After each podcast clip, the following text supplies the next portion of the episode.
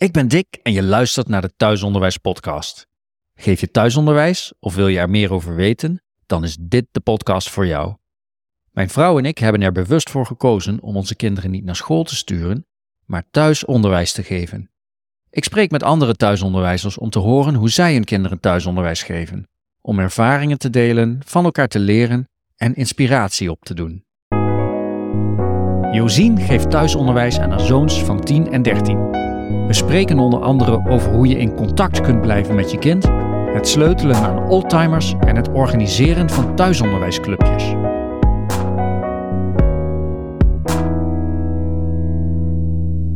Josien, welkom bij de Thuisonderwijs Podcast. Dankjewel. Hi. Kun je wat vertellen over je gezin? Zeker. Mijn gezin bestaat uit mezelf, mijn partner Steve en uh, twee jongens van uh, 13 en 10, Mika en Luc. Hoe hebben jij en je partner de taken verdeeld? Bij ons is het zo verdeeld dat we allebei parttime werken en allebei parttime thuisonderwijs op ons nemen. Steve werkt vier dagen buitenshuis. Ik werk voor mezelf. Ik werk twee dagen op de praktijk. En stolen uurtjes tussendoor. Dat, dat is van de een van een halve dag tot een dag per week. Dat maakt dat ik drie dagen per week thuisonderwijs op me neem. Steve doet dat één dag en ze gaan één dag per week naar mijn ouders. En die uh, verzorgen dan ook nog één dag per week het thuisonderwijs. En wat voor werk doe je? Je zegt dat je een praktijk hebt. Ja, zeker. Ik ben uh, coach in ademwerk en lichaamswerk. Ik ondersteun mensen bij uh, ja, dingen als problemen bijvoorbeeld met adem, bijvoorbeeld astma, maar ook meer gericht op het emotionele, op de emotionele kant. Dus bijvoorbeeld burn-out, traumaverwerking, maar ook het, het, coachen naar een, een ja, relaxter leven, wat meer, met meer veerkracht, meer verbinding met zichzelf. En waarom is dat dan ademwerk? ademwerk is voor mij een hele mooie tool om je zenuwstelsel te beïnvloeden. Een zenuwstelsel bepaalt eigenlijk alle processen in je lichaam en in je hoofd. En ademwerk is daar een hele mooie sleutel van om, om dat te beïnvloeden.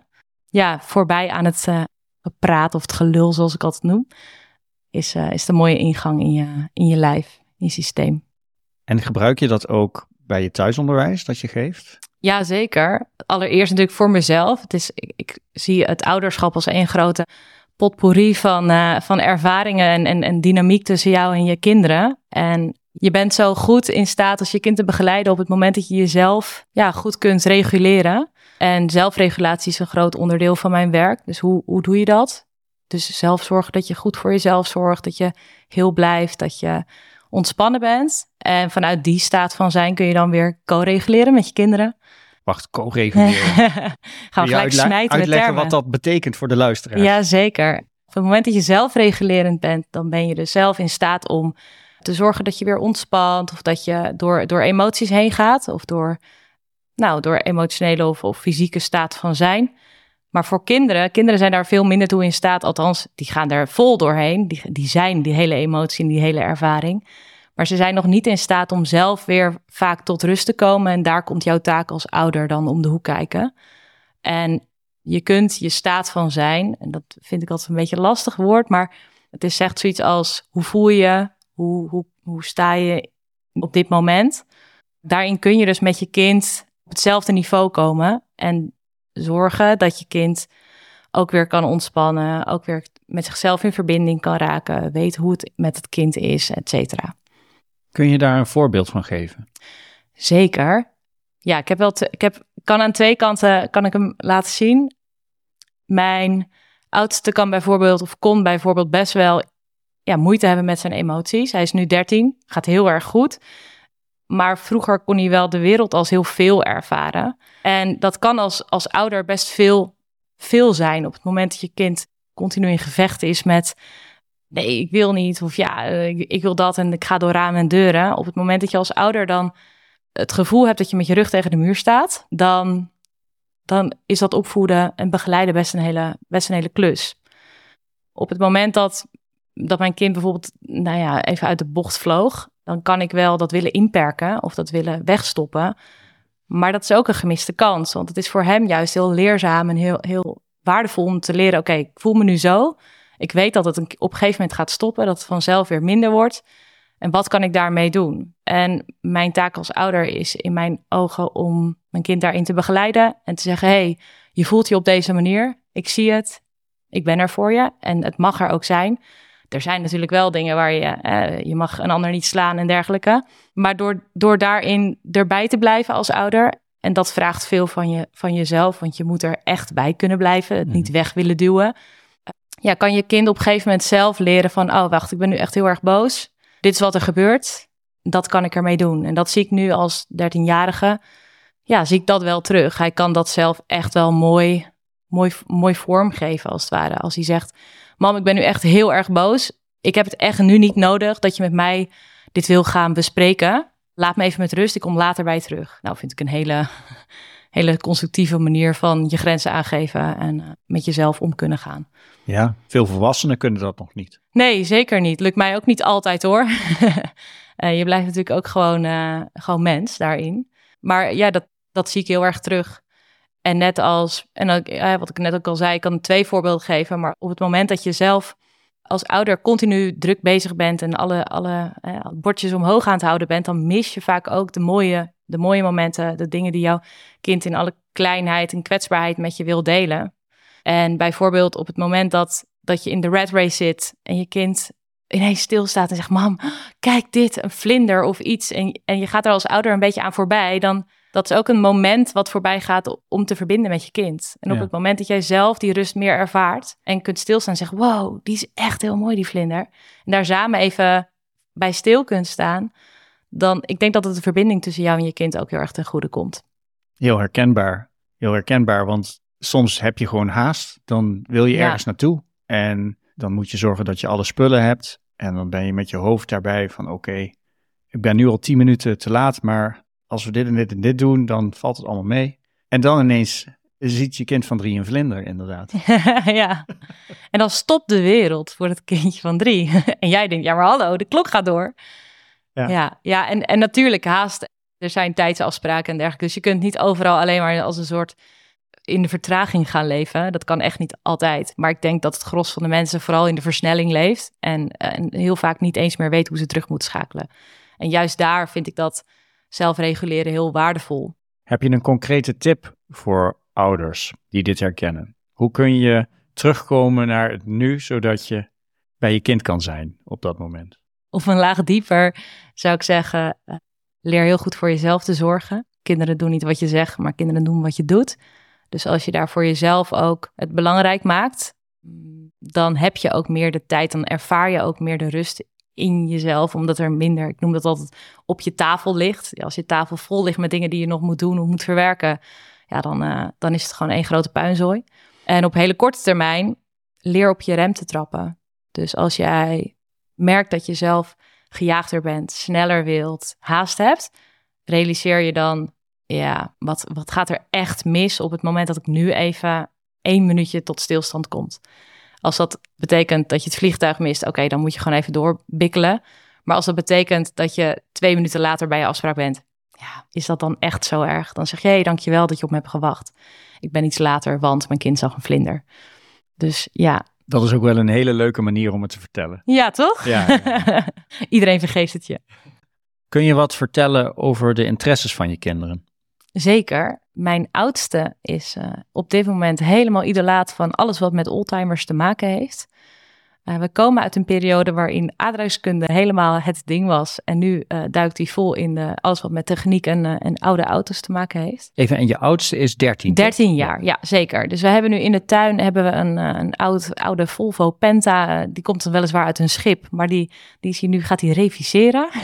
een echte? Een echte, ja. Ja, ik ben er heel blij mee. de tuin staat weer vol.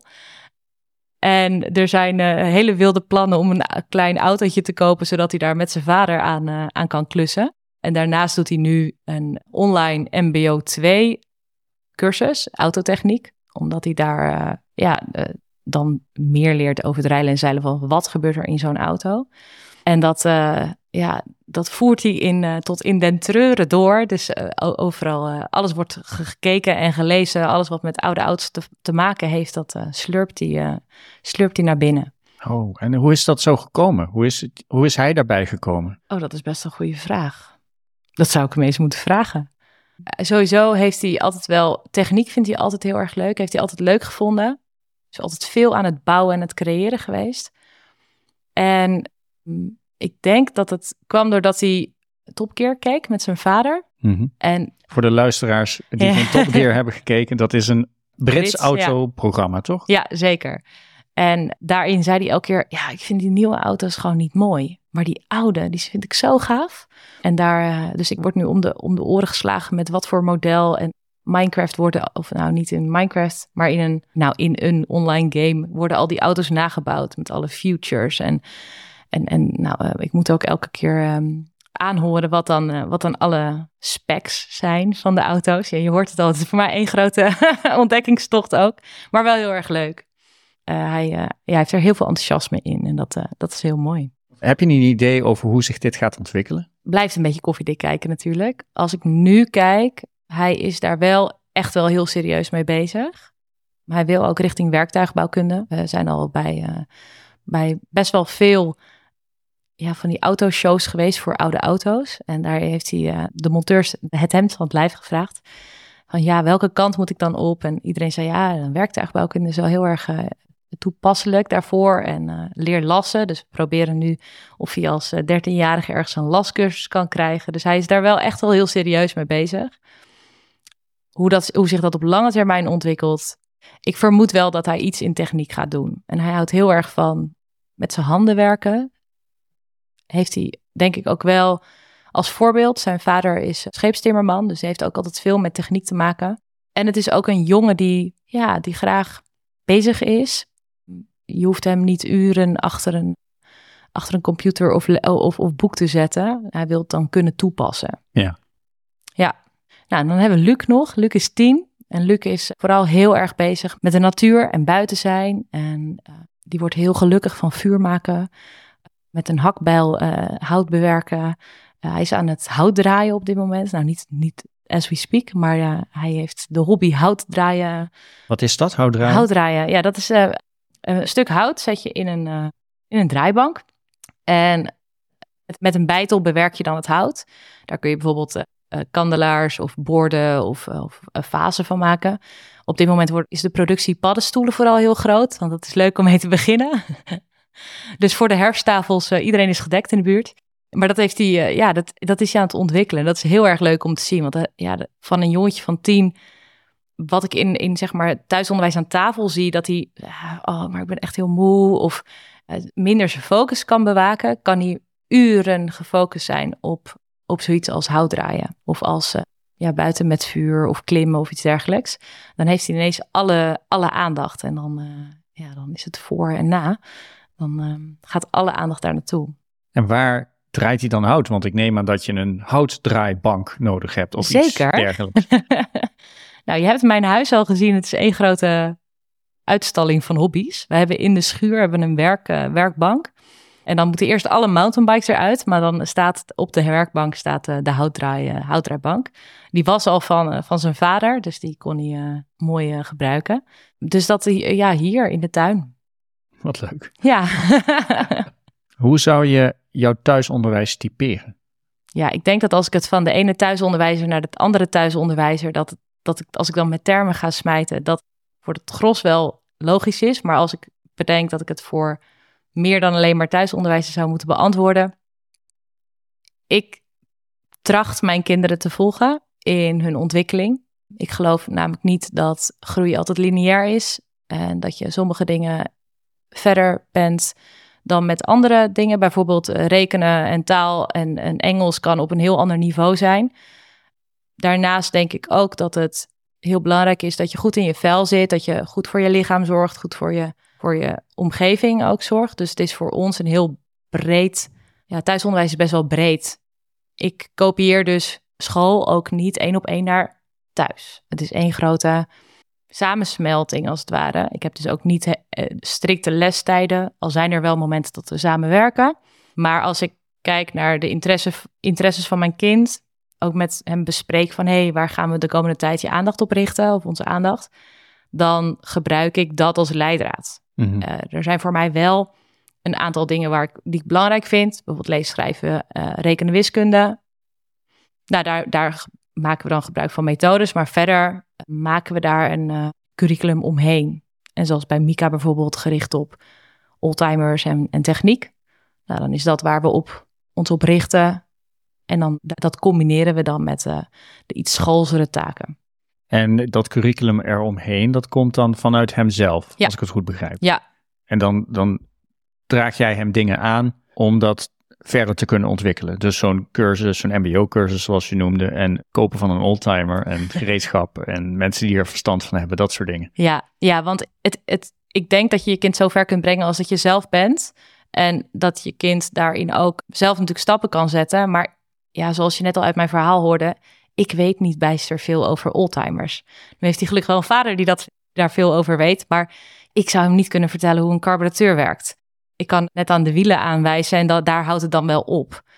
Gelukkig kan zijn vader bijvoorbeeld kan de, raam, de remmen vervangen. En dat, soort, dus dat wordt samen wel gedaan. Maar een stap verder, ja, daar, dat, zal, dat zal hij zelf moeten doen. Hij is nu op een leeftijd dat hij dat ook, ook zelf kan.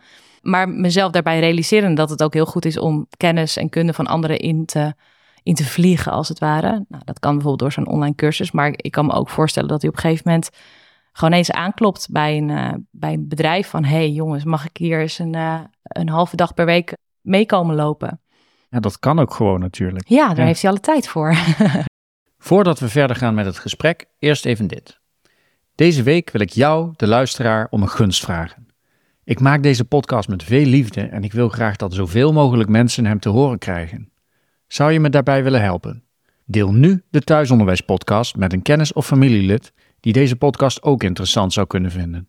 Als iedereen het doet, verdubbelen we het aantal luisteraars. Alvast bedankt. Nu terug naar het gesprek. Je noemde al dat je methodes gebruikt. Welke methodes gebruik je? Wil je naam en toenaam of wil je voorbeelden over wat we ongeveer gebruiken? Beide. We gebruiken bijvoorbeeld staal voor spelling. Voor rekenen gebruiken we de wereld in getallen. Dan hebben we nog wat, wat losse boekjes, bijvoorbeeld als. Uh, jeetje, Dick, ik moet helemaal weer nadenken. Ja, doe je dat erbij, Ik moet het er bijna bij pakken. Dat is goed hoor. Ja? Ja, als je wil, pak het er ja, maar bij. Moet ik even pakken. Momentje hoor. Ja, Josien pakt nu uit een kast een aantal ordners, want het is ook hier gewoon vakantie. Oh, ik zie pennenstreken. Nou, eerlijkheidshalve moet ik zeggen dat het niet alleen maar tijdens vakantie uh, in die kast een uitdaging is om te vinden wat je zoekt hoor. Er staat zoveel spullen, dat herken je wellicht. Ik vond het al zo opgeruimd in huis. De rommel moet ergens blijven. Ja, je wil niet weten, Dick. Kijk, qua voor uh, spelling gebruik ik staal. Wereldzaken en natuurzaken gebruik ik. En, en tijdzaken, bijvoorbeeld voor geschiedenis.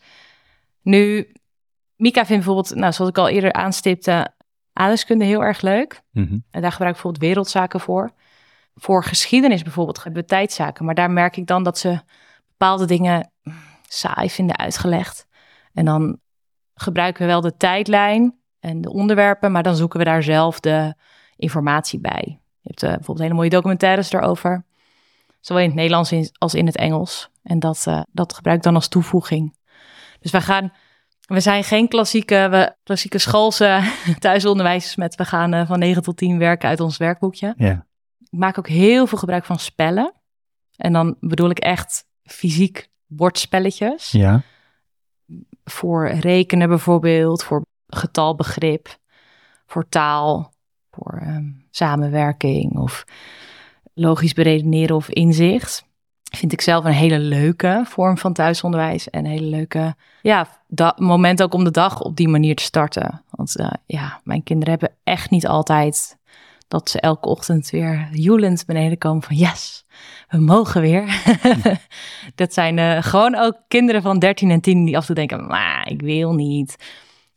Dus dan uh, beginnen we met een, een, potje regenwormen bijvoorbeeld. En dan, dan is de drempel een stuk minder, minder hoog voor ze. Ja, dan heb je wat contact gemaakt. Ja, dat is toch weer dat, dat verbinding maken ja. dat reguleren. Ja, dus op het moment, dat, ik geloof ook oprecht dat als je niet in een relaxe staat van zijn bent, of als je in een, ja, um, als het moet, dat je dan de dingen minder makkelijk tot je neemt. Ja.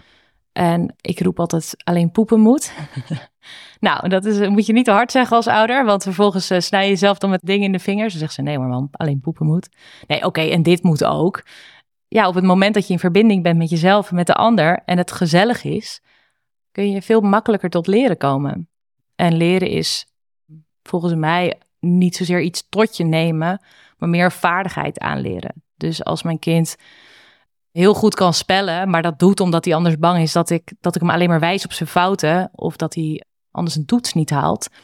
Dat vind ik minder waardevol op de een of andere manier als wanneer hij de taal een mooi iets vindt en zich daarin verder wil verdiepen. Of merkt hoe handig het is als je, als je goed kunt rekenen.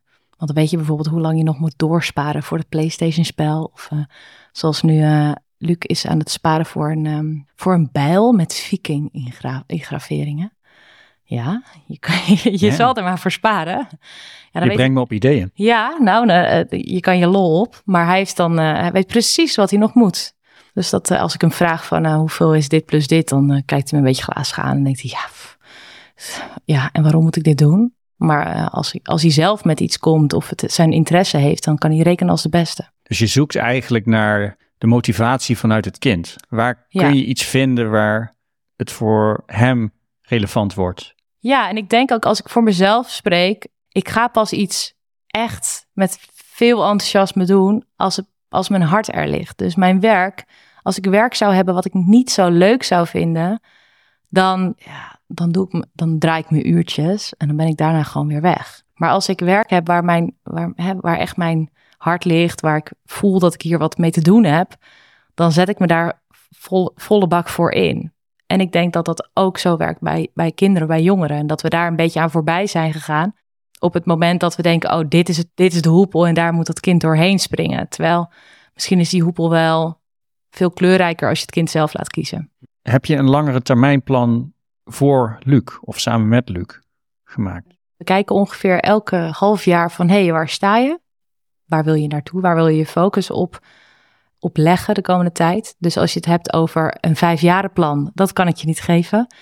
Uh, maar het komende half jaar weet hij wel zo'n beetje waar hij zijn aandacht op wil, uh, op wil vestigen. Luc uh, houdt heel erg van, uh, van sporten en van buiten zijn.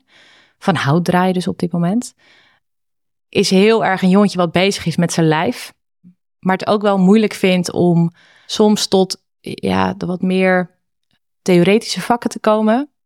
En wel bijvoorbeeld als ik, als ik hem een documentaire of iets dergelijks, dan vindt hij dat heel makkelijk. Maar lezen en schrijven is voor hem nog soms best een drempel. Wellicht dat hij een lichte vorm van dyslexie ook heeft. Maar daar durf ik niet echt een stempel op te plakken. Maar voor hem is, is lezen best een, een, een, uitdaging af en toe. Dus daar wil hij de komende tijd wat, wat meer gemak in krijgen, zegt hij zelf. Hij wil, wat, hij wil dat het wat makkelijker wordt. Dus daar wil hij wel mee aan de slag. Ja, en, en ja, ik vind het altijd zo lastig als ik, als ik bedenk wat ik voor plan heb met mijn kinderen. Want ja, ik geloof niet dat ik degene ben die de, die de lijnen voor ze helemaal uitzet. Nou, wat me, je noemde dat je een plan samen met Luc maakt voor het komende half jaar. Ja. Hoe gaat zo'n gesprek? Dan gaan we letterlijk aan tafel zitten of op de grond liggen, net waar we zin in hebben. En dan zeg ik, hey, kijk even zo schuin achter je. Daar hangt bijvoorbeeld aan, het, uh, aan ons memobord een, uh, een soort spinweb. Hoe noem je dat? Een woordenspin. Daar hebben ze ja, aan de hand van, oké, jij in het midden. En wat ga jij de komende tijd aandacht geven? Wat vind je belangrijk? Wat vind je nu bijvoorbeeld heel erg leuk? Nou, dan schrijven ze op van oké, dit vind ik heel belangrijk of dit vind ik heel erg leuk om te doen. En dat kan echt alle kanten op gaan. Hè? Dus dat Luc heeft er bijvoorbeeld ook slapen opgezet. Die wil wereldkampioen slapen worden. Nou oké, wat moet je daar dan voor doen? Ik steek het niet schals in. Free run vindt hij bijvoorbeeld ook heel erg leuk. Maar aan de hand daarvan, dus als je weet wat je leuk vindt en waar je wat mee wil doen de komende tijd, dan kun je heel goed gaan bedenken welke vaardigheden je daarvoor moet ontwikkelen. En die vaardigheden kunnen dus bijvoorbeeld van lezen en schrijven gaan naar ik wil s'avonds weten wat ik te doen heb om meer tot ontspanning te komen en makkelijker te slapen, zodat ik wereldkampioen slapen word. Dus dat is wel heel breed, maar het heeft ook heel vaak overlap. Want uiteindelijk is het weten hoe je goed voor jezelf zorgt, zodat je tot ontwikkelen en groei kunt komen. Leuk. Leuk. Ja. Kun je wat vertellen over hoe toen je jongens wat jonger waren, sociale contacten voor ze hebt georganiseerd? Want ik neem aan dat ze die nu zelf wel hebben. Ja, zeker. En nog steeds ben ik ook wel uh, soms chauffeur hoor, want eh, vrienden zitten over het hele land verspreid. En ik ben ook wel geneigd om, ik vind het ook leuk om, om mensen samen te brengen. Dus dat is ook wel iets wat ik vanuit mezelf ook veel doe. Vroeger, en dan spreek ik echt vanaf dat ze, nou, jaar of vier, vijf.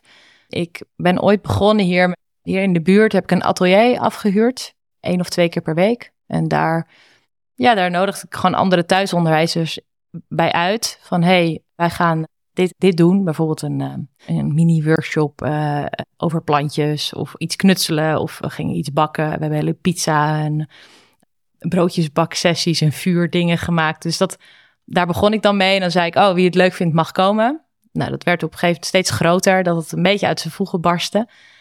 Maar vanuit die organisatie zijn heel veel eh, subgroepjes ontstaan. Dus je hebt buitengroepen en groepen die samen gaan zwemmen. En er is best een hele grote community hier in de omgeving die actief is in samenkomen. En met het ene kind matcht het heel goed en met het andere kind met het iets minder. Dus dan, dat is net als dat je, ja, eh, als volwassene, hè, mensen die op, de, op je werk tegenkomt. Ja, de ene denk je, oh leuk, daar ga ik nog eens een keertje mee tafelen s'avonds. Maar met de ander denk je, nou, als jij nu afscheid zou nemen, is zou dat de laatste keer zijn dat ik je spreek. Maar dat, dat is wel een hele mooie vorm, laagdrempelige vorm. Sowieso voor de kinderen om, om contact te leggen, maar ook voor ouders. Het kan als thuisonderwijzer, startend thuisonderwijzer, best een, ja, een eenzame, eenzaam gevoel geven. Van oké, ik, ben, ik ben die ene die het anders doet. Hoe, hoe doen anderen dat? Je kunt op, op, als je kind, wanneer je kind naar school gaat, dan ga je mee in die stroom. En dan zijn er al heel veel mensen geweest die voor je dat ook hebben gedaan. En als je thuisonderwijs bent, dan moet je toch een beetje zelf uitzoeken. En ik vond het heel waardevol om daarin ja, ook, een, ook een community te, of ja, nee, dat vind ik een stom woord. Gemeenschap. ja, misschien wel gemeenschap, maar meer uh, nou, de mogelijkheid bieden om daarin met elkaar te verbinden. en, en zo van elkaar te leren en elkaar te inspireren. En dat gaat van uh, intervisiegroepen, waarvan ik zelf er eentje bijvoorbeeld van begeleid, uh, naar tienerdagen waarbij ik uh, met een hele groepen kinderen leefstaat tegen en weerwolf staat spelen. En, en, en, en andere ja, ouders gaan bijvoorbeeld met hele groepen zwemmen. Ja, dat vinden mijn kinderen inmiddels al, ja, is wel leuk, maar zolang het geen golven meer heeft en of het niet buiten is, dan is het toch al minder spannend dat peuterbadje. Maar ja, er zijn wel echt wel momenten die je en moet creëren, maar die ook vanzelf ontstaan. Je noemt intervisiegroep. Kun je daar wat over vertellen? Hoe werkt dat, een intervisie? Uh, zeker. Nou, wat ik net al noemde, als thuisonderwijzer hè, ben je vooral bezig met hoe regel ik het als het ware goed voor mijn kind. Maar daarbij is mijn ervaring dat je wel ook altijd je kind op dat moment bij je hebt. Die intervisiegroepen zijn echt gericht op het contact tussen, tussen de thuisonderwijzers zelf. Er zijn ook geen kinderen bij aanwezig. En net als dat je op je werk intervisie doet, is het, of een vergadering hebt, is het heel waardevol om af en toe even, hey, ik loop hier tegenaan, kunnen jullie eens met me meedenken? En in zo'n intervisiegroep zitten ongeveer zes, zeven mensen.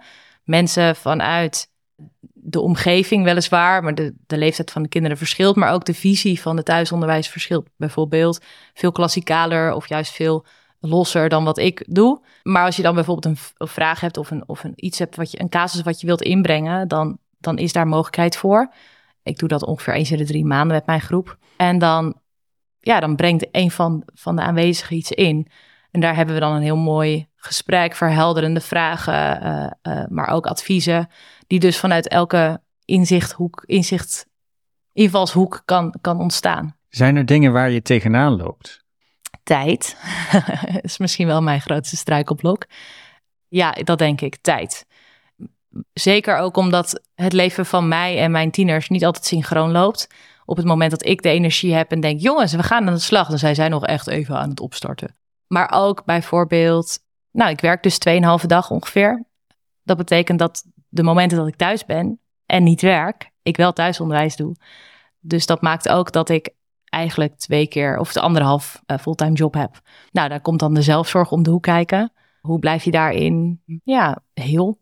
En hoe blijf je daarbij heel goed voor jezelf zorgen zonder daarbij jezelf helemaal leeg te branden of thuisonderwijs op pauze te moeten zetten omdat je werk even om voorrang vraagt. Dus dat de balans daartussen, en ik vind balans echt een rotwoord, maar de balans daartussen is soms wel uh, even zoeken. En er zijn soms momenten dat ik alleen moeder wil zijn. Op het moment dat mijn kind daar gewoon echt even aandacht vraagt voor ja, hele kwetsbare stukken bijvoorbeeld.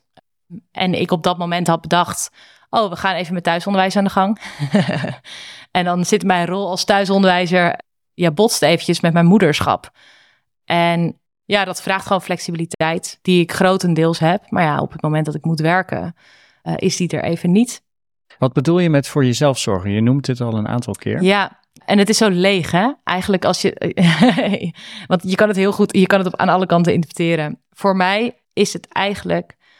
Ik zorg op die manier voor mezelf, zodat ik kan doen wat ik, wat ik in het leven wil doen. Dus als ik de energie wil hebben om en thuisonderwijs te geven en te werken en op pad te gaan met mijn gezin, dat betekent dat ik energie moet hebben. Nou, hoe zorg ik dat ik energie heb? Nou, door gezond te eten, veel te sporten, op tijd te gaan slapen, ja, mezelf te voeden met de dingen om me heen. En als ik bijvoorbeeld, ja, ik kom uit een ver verleden, heb ik een zware burn-out gehad. En met een lichaam dat aan alle kanten het niet meer deed. Ik kon op dat moment niet eens een balletje trappen met mijn kind buiten bijvoorbeeld. En ik was jongmoeder, maar ik had heel sterk met een weigerend lijf. Daar had ik wel een grote uitdaging in. En toen heb ik besloten, oké, wat, wat heb ik nu te doen? Ik moet sterker worden, letterlijk en figuurlijk. Omdat wat ik uit het leven wil halen, dat is er nu niet uit te halen. Dus toen ben ik veel gaan krachttrainen bijvoorbeeld. En gezorgd, ja, ervoor gaan zorgen dat mijn, mijn hoofd ook uh, relaxter werd. En als het ware heb ik mijn belastbaarheid omhoog gegooid. En dat betekent nu dat ik ook veel kan hebben, veel kan doen, sterk ben, uh, goed mee kan bewegen met de dingen die het leven me geeft. En op het moment, ja, als je trash in, trash out, zeg ik altijd maar. Als je niet goed voor jezelf zorgt, je gooit de troep in, je, je, uh, je hangt uh, s'avonds de hele avond voor Netflix en je, ja, je om, omringt je ook in je omgeving met mensen die niet voedend zijn. Ja, dan, dan komt het er ook op die manier uit. Dan zal je, ja, zal je minder energie hebben en zal je minder daarin, ja, dan zal er minder gezonde dingen uitkomen. Dus dat is wat, wat zelfzorg voor mij is. Maar ik ik denk dan logischerwijs dat het voor iedereen anders is, wat zelfzorg is. Ja, dat denk ik ook. En ik denk ook dat het voor iedereen verschillend is wat je uit het leven wilt halen. Of wat je belangrijk vindt in het leven. En dat is denk ik sowieso voor iedereen verschillend. De een wil wat rustiger leven en de ander zegt nee, ik wil één groot avontuur. Ja, als je een rustiger leven wil, dan hoef je je niet hals over kop in allerlei uh, spontane dingen te gooien. Want dan wil je misschien juist meer ritme en regelmaat hebben. En als jij een avontuurlijk leven wilt hebben en in een heel strikt, strikt regime van routines zit, ja, dan kun je afvragen, is dit dan helpend voor wat ik wil? Dus zelfzorgen in het algemeen vraag je, weet hoe het met je is? Hoe je, hoe je je voelt op dit moment? En of jij je voelt zoals je op dat moment ook wilt voelen. Dus als jij, ik begeleid wel sporters en dan denken mensen altijd over ademhaling, oh, moet je vooral heel goed kunnen ontspannen. Maar als een sporter of een atleet super ontspannen is. en dan of een, of een gevecht in moet of, uh, of een, een wedstrijd ingaat. En je bent alleen maar een soort ontspannen, ja, hè, dat. Ja, dan, dan kom je er niet. Dan moet je juist gewoon hè, in actiestand kunnen, kunnen komen. En andersom ook, op het moment dat jouw kind op de bank zit en met je wil knuffelen en jij bent nog in een, ja, maar dit moet en dat moet nog, dan dat is heel nuttig op het moment dat je dat gevecht moet aangaan of die wedstrijd ingaat, maar niet op het moment dat jouw kind wil knuffelen. Dus mm, weten waar, hoe het met je is en hoe je dat kunt beïnvloeden, dat is volgens mij zelfzorg. Hoe bevalt thuisonderwijs voor jullie gezin? Ja, heel goed. Het geeft ons op heel veel vlakken meer, uh, meer vrijheid. Uh, vrijheid om keuzes te maken van wat wij belangrijk vinden, welke kant we op willen gaan, wat we doen met onze tijd. Zeker ook omdat ik we zijn heel bewust parttime allebei werkzaam. Dus dat geeft ons ook meer tijd om samen te zijn met de kinderen. Mm, en ja, door, door elke dag opnieuw te kunnen kiezen van wat gaan we doen. Soms staan er periodes uh, meer in teken van reizen en ontdekken. En, en bijvoorbeeld meer de, de herfst- en winterperiodes zijn veel meer in gericht op echt schoolse taken. En daarmee kunnen spelen. En dat, dus dat niet elke dag hetzelfde hoeft te zijn. En dat ontwikkeling niet altijd op dezelfde manier hoeft te gebeuren. Geeft mij heel veel, ja, veel plezier in, in, in het samenwerken met mijn kinderen en met mijn partner als thuisonderwijzer. Daarnaast vind ik thuisonderwijs een hele krachtige vorm van onderwijs, omdat het een het is heel erg maatwerk. je kunt snel, snel schakelen. je kunt als kind je eigen leerlijnen ook heel mooi ontdekken, vormen. Natuurlijk wel onder begeleiding van mij als ouder, maar wel ja, kijkend naar van oké, bijvoorbeeld zoals Mika nu richting werktuigbouwkunde of uh, richting oldtimer restaurateur, zoals hij het zelf noemt, daarheen wil, ja, dan kunnen we daar nu al in, in, in, in schakelen. En kunnen we bijvoorbeeld nu als 13-jarige, kan hij al een cursus MBO 2 autotechniek doen. Hij heeft al echt een duidelijk doel in zijn leven, terwijl hij 13 is. Ja, ja, dat had ik niet verwacht. Het kan echt heel snel gaan. Vorig jaar had ik dit nog niet bij hem, dat hij ineens het zo gegrepen zou worden, was hij nog heel erg lekker aan het. En nu ook nog steeds heel veel aan het spelen hoor. Maar ineens heeft hij een bepaalde helderheid. Waarvan ik ook verwacht. En hoop dat hij niet daarin rigide denkt: oh, dit is mijn stip op de horizon, hier moet ik naartoe werken. Hij mag daar ook gewoon van af blijven wijken op het moment dat het voor hem niet meer past. Maar stip op de horizon hebben en weten waarvoor je iets doet, is wel heel fijn. Want dan, ja, dan weet je waar, je waar je het voor doet en waar je naartoe werkt. En dit is echt iets wat uit van hem zelf komt. En als ik de lijnen uit zou zetten, dit is waar jij naartoe moet werken in dit jaar, denk ik dat het voor hem en voor mij ook minder leuk en, en makkelijk zou zijn. En ik vind het heel waardevol, want ik had deze, ik had deze insteek misschien niet bij, bij hem gekozen, laat ik het zo zeggen. En dat betekent dus echt dat het echt uit hemzelf komt, dat hij echt die intrinsieke motivatie heeft. Is er nog een ander onderwerp waar je graag iets over zou willen vertellen? Nou, als ik voor mezelf spreek, ik denk dat ik nu met negen jaar thuisonderwijs wel al een beetje de iets meer ervaring heb. En zeker mensen die zich aan het oriënteren zijn of welke vorm van thuisonderwijs ga ik voor mijn kind kiezen? Ga ik voor thuisonderwijs? Ga ik voor schoolonderwijs?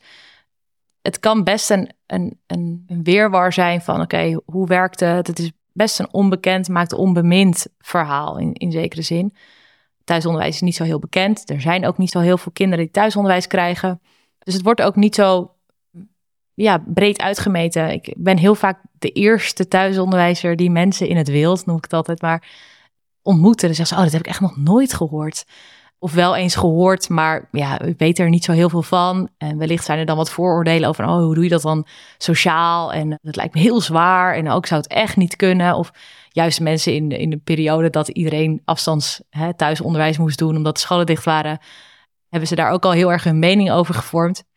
Maar ik denk ook dat het, dat het heel belangrijk is om je te realiseren dat er veel meer informatie en kennis en kunde is als je zelf aan het starten bent, aan, op een kindje hebt wat in een opgroeiende leeftijd is. Waar je, hè, dat je in gesprek kunt gaan met, met mensen van oké, welke kant wil ik op? Welke kies ik voor uh, thuisonderwijs? Kies ik voor schoolonderwijs? En, en ook er zijn mensen die je voor zijn gegaan. In mijn ervaring waren, waren de ja, de mits en de maren op het moment dat ik, ik begon, nou, negen jaar geleden, en zei ik, nou, we gaan thuisonderwijs geven of we geven thuisonderwijs. En dan zeiden mensen, oh, maar nee, dat is echt, dat is heel zwaar. En hoe ga je dat, dat gaat, sociaal is dat echt heel lastig. En hoe gaat dat dan als we willen leren lezen en schrijven? En dan dacht ik, oh ja, ja, dat is wel echt het idee dat dat, dat, dat op, met thuisonderwijs niet zou werken. Maar de mensen die toen der tijd ja, onbekend maakte, onbemind eh, idee erbij hadden, zeggen nu ook: Oh ja, het is wel echt heel tof om te zien hoe jullie daarin die ontwikkeling hebben gemaakt. En hoe sociaal die jongens zijn. En hoe vrij ze, hoe vrij ze ook zijn. En hoe, hoe ze zich ontwikkelen. En ik denk ook dat. Daarom ben ik ook heel blij bijvoorbeeld met deze podcast. Omdat. Hoe vaak heb je de kans om een thuisonderwijs te spreken? uh, niet zo vaak. Uh, omdat er gewoon niet zo heel veel zijn. Ze zijn er wel, maar wat minder bekend of minder op de voorgrond. En ik denk dat het heel waardevol is op het moment dat je oriënteert, dat, er, dat, dat je ja, kunt zoeken naar wat past bij mij. En dat je dus niet alleen hoeft uit te zoeken of te, hoeft te ondervinden. En dat je je vragen kunt stellen. En dat heb ik altijd als heel waardevol ervaren. Zeker nou, dat, dat de jongens heel klein waren. Dat ik dacht, en hoe doe je dit? En hoe doe je dat? En hoe ga je daarmee om? Dat er al mensen waren die toen de onder, thuisonderwijsdino's waren, die het klappen van de zweep al kennen en zeiden van, hé, hey, oké, maar heb je hierover nagedacht? Of misschien is het, een, is het interessant om eens een keer naar dit toe te komen of met die te bellen. En dat is, heel, uh, dat is heel fijn. Dat is toch weer de gemeenschap, denk ik. Goed punt. Een mooie slotsom, zou ik zo zeggen. Josien, heel erg bedankt dat je je verhaal wilde komen vertellen. Ja, met liefde, dankjewel.